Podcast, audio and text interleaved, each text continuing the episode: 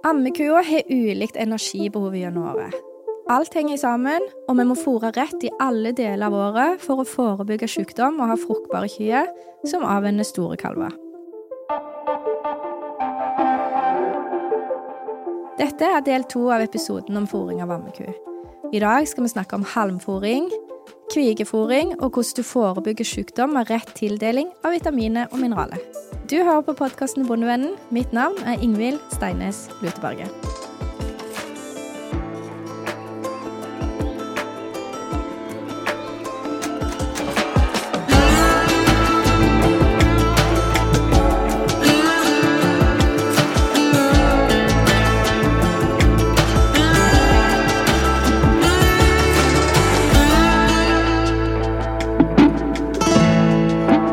Podkasten Bondevennen blir presentert i samarbeid med Sparebank1 SR-Bank og Tveit Regnskap. Vi bidrar til at bonden lykkes.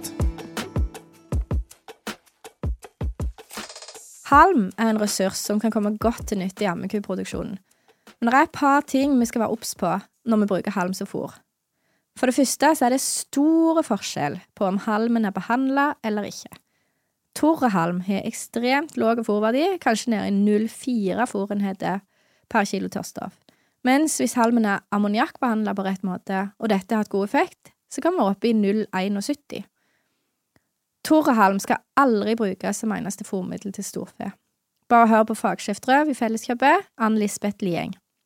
Og er det ubehandla halm, så er det høyst nødvendig å gi både lettfordøyelige karbohydrater, eh, sånn at mikrobene får energi, eh, og å gi protein.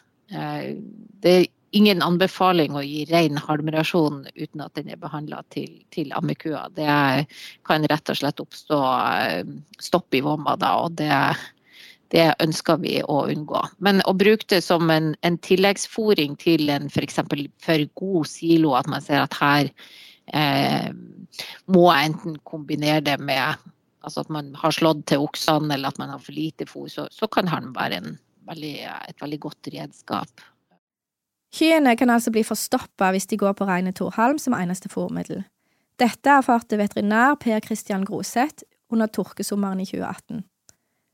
Når det gjelder rein halmfôring, um, ammoniakkbehandla halm, det, det, tåler de det, det har forholdsvis ja, moderat fôrverdi. Uh, men uh, Kyrne vil jo òg Er de sultne nok, så spiser de tørrhalm òg. Og det er, Tørrhalm kan jo være et kjempefint tilskudd i en uh, fôrblanding, for å, en fullforblanding, for å få opp fiberinnholdet i det. Uh, men uh, i tørkesommeren i 2018, som vi hadde her den merker vi i hvert fall her på Østlandet, så var det jo faktisk noen tilfeller av bladmageforstoppelse på kyr som hadde blitt satt på rein tørrhalmfôring. Det, det, blir, det, blir, for dårlig, rett og slett. Altså. Det, de, de, de, fikk forstoppelse i bladmagen, som, og det, døde flere, flere dødsfall pga. det. Da har vi understreket det, i alle fall. Men torhalm kan altså brukes i lag med silo, for da får de fart på systemet med et silofôr i tillegg. Jeg vil jo helst ha, ha brukt det sammen med annet fôr, veldig enkelt hvis man har investert i en, uh, i en mikser, men det er det jo slett ikke alle som, uh, som har. Men jeg har òg vært ute i mange fjøs som har fått det til med å ha uh, halmen tilgjengelig stort sett hele tida, og så får de en viss mengde med silo på toppen. Det som er viktig hvis vi velger denne løsninga, det er at det er nok eteplasser. Surføre vil gå fort unna, og vi kan risikere at de lågt rangerte dyra ikke kommer til å få tid til å ete det, og så ender de opp med en ren halmrasjon hvis det ikke er nok eteplasser, eller hvis vi har altfor lite surfôr. Hvis halmen er ammoniakkbehandla, så kan du bruke det på en litt annen måte. Så ja, du kan bruke det som eneste, eneste grovfôr, men du må sikre at det uh, holder, holder seg der det er. Og du må gjerne gi litt kraftfôr i tillegg. Det er kanskje ikke de største mengdene til å begynne med, men det vil øke på utover i, i perioden. Uh, men det egner seg ikke spesielt godt uh, frem mot kalving og, og etter kalving. Uh, og så må du øke på med, med, mineraltilskuddene, sånn at du får dekka, for halmen vil jo også inneholde mindre, mindre mineraler. Men det er viktig å følge med på om behandlingen av halmen har vært vellykka. Eh, og så er det jo forskjellige måter å behandle denne halmen på. Da må man være oppmerksom på at i en del tilfeller så er det forutsetninger som, ligger, som må ligge til grunn for at man får den effekten uh, som man ønsker seg. Uh, så du kan teoretisk sett ende opp med et halm som nesten ikke har energi, uh, og ikke får utnytta proteinet sitt fordi at prosessene ikke har gått sånn som de skal gå. Og det er jo spesielt kanskje knytta mot uh, urea, som da skal omdannes til ammoniakk. Uh, som forholdene må ligge til rette for at de prosessene skal, skal skje. Blir det f.eks. for, for kaldt, så har vi sett at da, da, får vi kanskje ikke den effekten som, som man hadde trodd at man skulle ha. Og så ender dyrene opp med å gå ned i, i hold.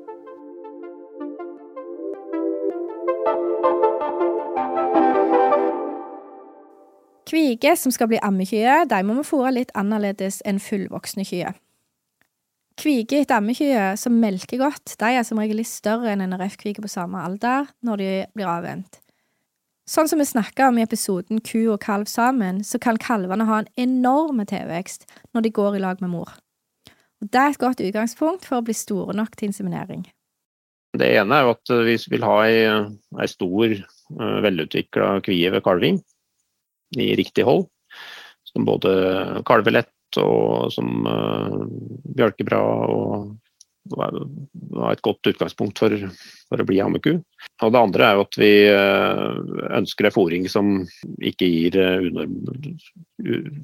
utslag på, på en unormalt stor kalv. For å nå, for at kvia skal bli så stor som den skal være når vi kalver, så er det viktig at eh, fôringa er sterk nok så lenge hun er i vekst. Så godt kvioppdrett er viktig, god tilvekst som kalv. Ja, sterk fôring fram til ja, kua er, kvia er inseminert og drektighetskontrollert omtrent.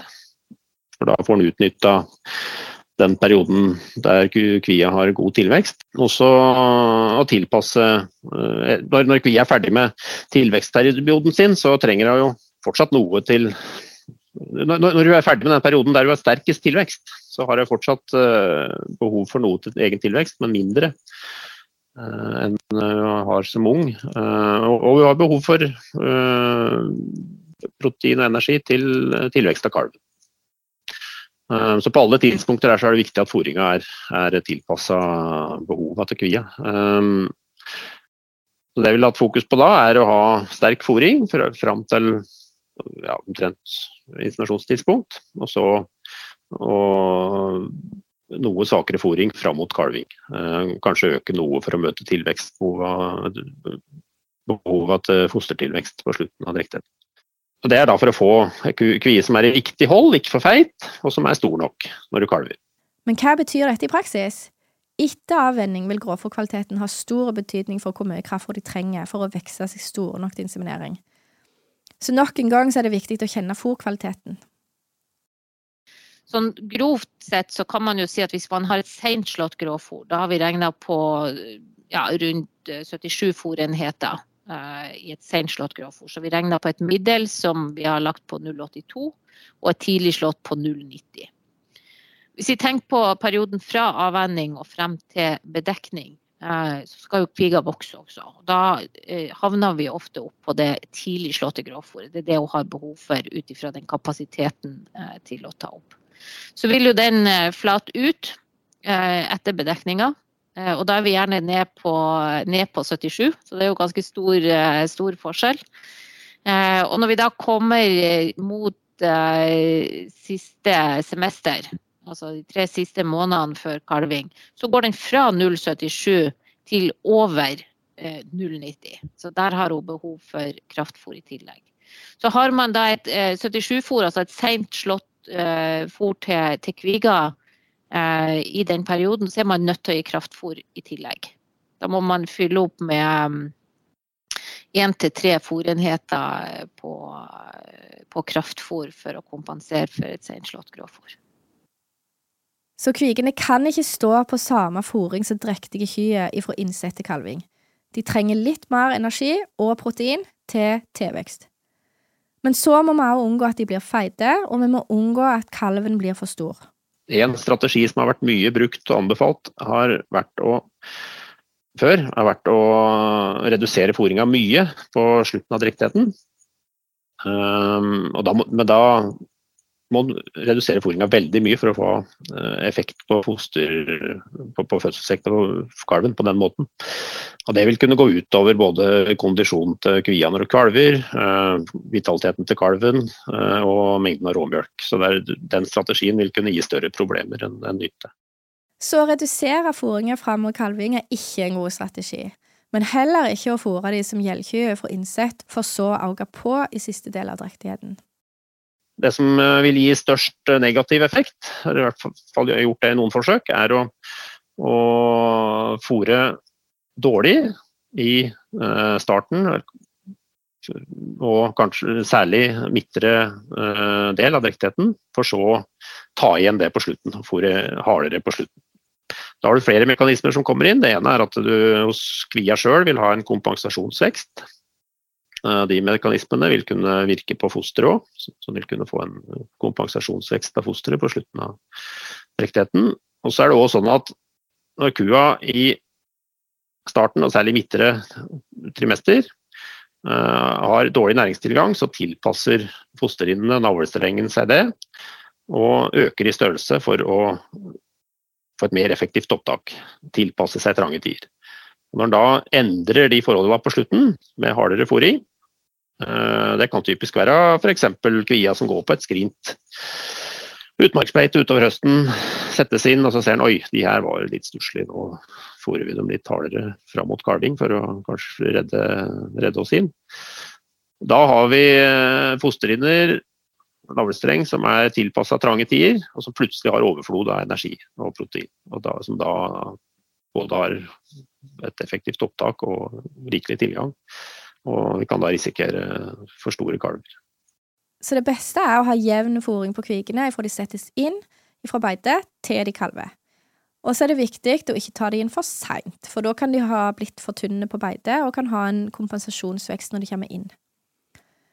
Men det er viktig å understreke at det er ikke snakk om å fôre drektige kviger på samme måten som unge kviger.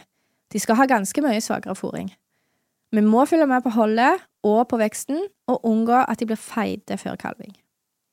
Et praktisk eksempel det kan være at hvis du har seint slått grovfôr til kyene som du blander med halm, så kan kvikne og eventuelt tynne kyer få samme silo, men uten halm. Selvfølgelig avhengig av energiinnholdet i gråfòret. Og er en eh, redd for for store kalver, så er det en mye bedre strategi å, å er, uansett, det er, det er en mye bedre strategi å være nøye med oksevalg. Velge okser som har eh, Som er enten avskomstkalker, som man har erfaring med fra egne eller andres besetninger, og som man forventer, forventer lette kalvinger på. Denne episoden er sponsa av Felleskjøpet Rogaland Agder. Felleskjøpet arbeider hver dag for din lønnsomhet som bonde, og for lokal og norsk matproduksjon. Ta kontakt med en av våre konsulenter, eller gå inn på nettsidene våre bondekompaniet.no. Alle dyregrupper som får lite kraftfôr, de bør en fylle opp med tanke på vitaminer og mineraler. Gråfôret er ikke balansert med tanke på vitamin og mineraler til storfe. Og det er en del mineraler vi kan få mangel på når dyra får lite eller ingenting kraftfôr. Mineralmangel vil kunne, vil kunne, gi litt dårligere fruktbarhet, litt dårligere immunitet, litt dårligere tilvekst. Det er ikke sikkert at det er sånne ting som man ser, men som gir, uh, gir uh, betyr, konsekvenser i besetningen allikevel. Og, uh, og blir det alvorlig nok, så kan du få, kan du få klinisk sykdom. Nå er det jo veldig mange forskjellige eh, mineraler og vitaminer som er viktige for storfe. Eh, jeg kan jo, hvis vi skal snakke litt om, eh, om konsekvenser av mineralmangel, så kan jeg jo snakke litt om de som det er variasjon på, og som har, har klinisk betydning for storfe. Vi deler jo gjerne mineralene opp i makromineraler og mikromineraler. og Det er jo rett og slett et, et mengdespørsmål. Makromineralene trenger du mye av, og mikromineralene trenger eller sporstoffene trenger du mindre av, men de er like viktige. Da makromineralene så er jo natrium og klor viktige. Der vil jo mangel på salt gå utover, mangel på, vil gå utover fôropptaket. Så, de, så, salt er viktig for å få i dyra så mye mat som vi vil. Og så er jo magnesium et uh, mineral som uh, det er normalt er nok av i grovfòret, men f.eks. på hardt gjødsla uh, raigras, høsta på et tidlig stadium, så vil det kunne være for lite magnesium. Så der vil vi kunne ha magnesiummangel. Magnesiummangel det er jo kjent som uh, lekmannsuttrykket på det er jo graskrampe eller fjøskrampe. Graskrampe på beite, fjøskrampe inne.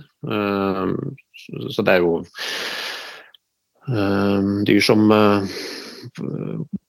kan bli liggende, som får stive bein, kramper, skjelvinger, og som er, kan, er dødelig, kan være dødelig uten behandling. Og så er det og sånn at magnesiummangel kan øke risikoen for mjølkefeber.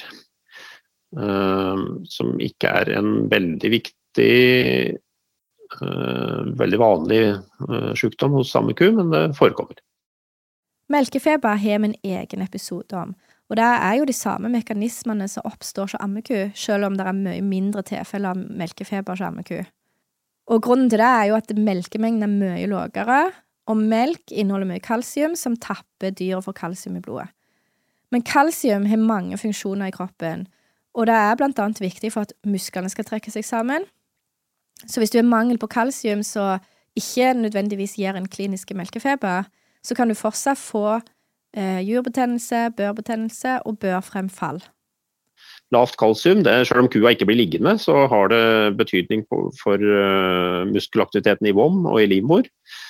Sånn at vi får uh, lavere vommotorikk og vi får seinere sammentrekning av livmora. Og den seinere sammentrekninga av livmora den kan uh, gi mulighet for at det skjer et, et uh, børsanfall. Um, så er da det mest interessante spørsmålet er jo hvorfor har de kyrne lavere kalsium? Uh, da kan jo kanskje sånne ting som magnesium i fôret og nok mineralnæring forebygge det. Børfremfall er grusomt, og det ender ofte med nødslakt. De fleste har vel opplevd det en eller to ganger, men hvis det er et gjentagende problem, så kan det altså ha sammenheng med kalsiummangel.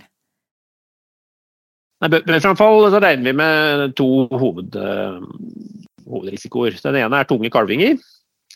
Um, da får vi en påkjent livmorvegg. Vi får mer uh, trengninger hos kua, uh, mer veer, også etter kalving. Eh, så, så harde kalvinger er negativt. og Det er vel derfor vi oftere ser det hos, eh, hos uh, kviger på kjøttfe. Uh, på mjølkeku så ser vi det oftest hos eldre kyr. Og, og, der er det kalsiummangel som er den viktigste risikofaktoren. Og den kalsiummangelen den vil jo da gi Én ting er at det gir seinere kalvingsforløp, men den største risikoen er nok at, eh, at uh, livmora blir hengende der som en sånn stor uh, slapp pose, for å, trekke seg pent sammen. Og da blir det mulig for den å vrenge seg ut. Uh, normalt så trekker jo livmora seg sammen ganske fort, og da, da får den ikke mulighet til å, å vrenge seg ut og bli et framfall. I episoden om melkefeber så snakker vi mye om anion-kation-differansen. Kort fortalt så handler det om at vi kan forsure blodet til kua før kalving, sånn at du mobiliserer mer kalsium fra skjelettet og unngår kalsiummangel etter kalving. Så er det jo et, et kjempespennende spørsmål er jo hvor mye anion-kation-balanse har å si hos uh, kjøttfe. Det, det, er det vel nesten ingen som har sett på, tror jeg. Uh, vi har uh, en problembestetning så, som hadde veldig mye børsframfall, så gikk vi inn og, og tok uh, ikke bare vanlige fòrprøver, men også mineralprøve, og ga en spesiell anion-kation-balanseanalyse. Og så at de, det fôret han brukte i kalvinga, hadde veldig høye uh, nivåer på anion-kationbalanse. Uh, noe som er negativt i forhold til mjølkefeber og normalt kalvingsforløp. Uh, så der bestemte vi oss for å bytte fôr til det fôret som hadde best, best som hadde lavest verdier på anion-kationbalanse. Og, og løste, ble nesten kvitt problemet med det. Hvis vi har en veldig høy anion-kation-differanse i fôret, så bør vi tenke på kaliumutslinga i enga. Kalium er et positivt ion, og for mye av det gir en høy anion-kation-differanse. I tillegg så vil mye kalium i seg sjøl hemme opptak av kalsium og magnesium fra vomma, og det gir dobbel negativ effekt med tanke på å få kalsiumdekning etter kalving. Syns du dette var litt forvirrende, mye å huske på, slå på melkefeberepisoden. Der forklarer vi dette grundigere. De mikromineralene det er øh, størst variasjon på, det er jo øh, f.eks. selen, som det er for lite av i grovfòret i praktisk talt hele Norge. Uh, det er jo generelt sånn at det er mindre jo lenger inn og lenger nord du kommer i landet. Uh, så det er en veldig aktuell problemstilling i min landsdel, Innlandet. Uh, det er kanskje nok selen i deler av Sør-Vestlandet. Det er stort sett for lite av. Og selen er et viktig mineral både med tanke på immun, immuniteten til kua. Uh, mangel av uh, selen sammen med mangel på vitamin E, som virker, som, måtte virke på de samme måtene som selen. Uh, det vil gi en dårligere immunfunksjon. Det gir også en dårligere vitalitet hos kalven etter fødsel. Der er også jod veldig viktig. Uh, jod er jo et mineral som vi har mindre av i innlandet enn nærme sjøen. Selenmangel, særlig sammen med en mangel på vitamin E og, jod, vil kunne føre til ganske store problemer med nyfødte kalver. Dårlig sugerefleks. Ja, de kommer seg ikke opp på beina når de skal stor betydning for vitaliteten til kalven. Kobber er også et, et, viktig mineral som øh, øh, for så vidt per se ikke ofte er mangel på, men det er forholdet mellom kobber og molybden som på en måte har betydning for kobberopptaket til kua. Så I deler av landet så er det høyere molybdennivåer, sånn at det relativt sett blir kobbermangel. Det er altså viktig å tenke på mineraldekning før kalving, sånn at kua er i rett mineralbalanse og produserer god råmengskvalitet. Det fins veldig mange produkter på markedet med ulikt innhold. Har en problemer med børfremfall, jurbetennelse og til og med får noen tilfeller av melkefeber, så bør en tenke på en spesialtilpassa mineralblanding for å senke anion-kation-differansen. Men er ikke kalsiummangel et problem, så kan en bruke andre mineralblandinger som har mer fokus på mikromineralene, og da særlig selen og E-vitamin. Disse er jo antioksidanter som er viktige for immunforsvaret til ku og kalv. Jeg har en oppfordring der òg når det er snakk om mineraler, så er det å ha litt kontroll på hva er det du egentlig gir. Eh, for det er veldig mange ulike produkter ute på, på markedet. Uh, ulike kraftfôr inneholder ulike mengder med, med, mineraler, sånn at du må vite litt om det kraftfôret som du gir, hvor mye har det? Altså hvor, hvor mange kilo kraftfôr skal kua ha for å dekke det behovet som hun har? Det står som regel på pakningsvedlegget eller på informasjon om det kraftfôret du bruker.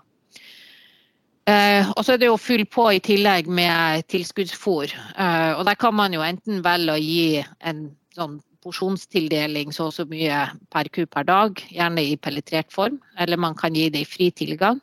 Gir man i fri tilgang, så er det lurt å ha en viss kontroll på at de tar i gjennomsnitt opp det de skal ta. Eh, og det kan man jo da gjøre med å eh, notere seg den dagen man setter inn det i bøtte, eller eh, hvordan man velger å gi det. Hvor lang tid tar det før den er brukt opp, delt på antall dyr. Så ser man sånn cirka hvor mange gram i snitt tar opp. Og så har vi disse bolusene som, som er eh, altså Det er veldig mange forskjellige typer boluser på markedet. Um, noen er laga for å spesifikt gi noen mineraler. De gis jo gjerne i sammenheng, altså i, dialog med veterinæren. Så det skal ikke jeg legge meg, legge meg borti. Men hvis man gir en sånn standard bolus til ammekua og tenker at dette gir alt, så gjør det ikke det. Det gir mikromineralene, så der mangler du makromineralene.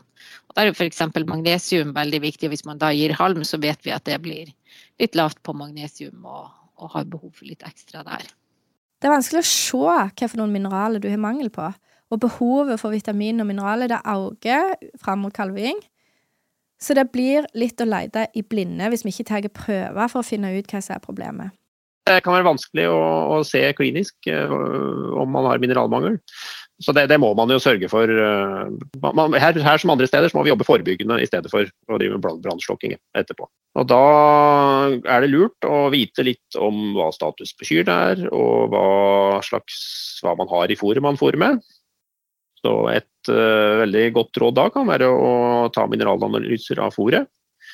Uh, og så kan et, eh, da, da, ser man jo på en måte hva man putter inn i miksen, og så kan man se hva som eh, er status på kyrne ved å ta blodprøver. Eh, er det veldig Da, da er det viktig å, å, å ta nok prøver. U-prøver er et godt tall. Kanskje litt færre hvis det er veldig, veldig homogen gruppe. Og så må du da ta, av hver, ta prøver av hver aktuell gruppe. Da. Eh, og da er det jo gjerne slutten av drektigheten som er et kritisk tidspunkt. Da har kua god mineralstatus mot slutten av drektigheten, så har hun et godt utgangspunkt for en god fostertilvekst, normalt foster, eh, og igangsetting av normal syklus etter kalv. Og på beite så er det viktig å tenke på tilskudd av mineraler. Vi vet jo det at beite kan inneholde mer, kanskje spesielt av makromineraler og vitaminer, men kan være fattigere på en del eh, mikromineraler. Eh, men, men, det høsta grovfòret, og spesielt hvis det er halm man bruker inn, så er det helt nødvendig med, med mineraltilskudd. Da tror jeg at vi runder av for denne gang og oppsummerer litt. Halm er et godt fôrmiddel til ammeku, men torrhalm skal ikke brukes som eneste fôr. Er halmen behandla, kan den fungere som eneste fôrmiddel i lågdrektigheten, men følg med på at behandlinga har fungert, og at kyrne ikke går ned i hold. Kvige skal ha jevn fôring gjennom drektigheten for å sikre god tilvekst og unngå for stor kalv. Litt sterkere fôring med energi og protein enn drektige kyr i godt hold, men pass på at de ikke blir feite før kalving. Mineralet må vi passe ekstra godt på i ammekufòringa, siden de får så lite kraftfôr. Ta fòrprøver og blodprøver, og tenk forebygging. Du hørt på podkasten Bondevennen. Mitt navn er Ingvild Steines Lutberget. Og til daglig er jeg rektor ved Vinterlandbruksskolen i Ryfylke. Har du spørsmål eller tilbakemeldinger til podkasten, så setter vi pris på en e-post til podkast at bondevennen.no. Episoden er spilt inn i ABC Studio Etne, lyd ved Stig Morten Sørheim. Takk for at du hørte på.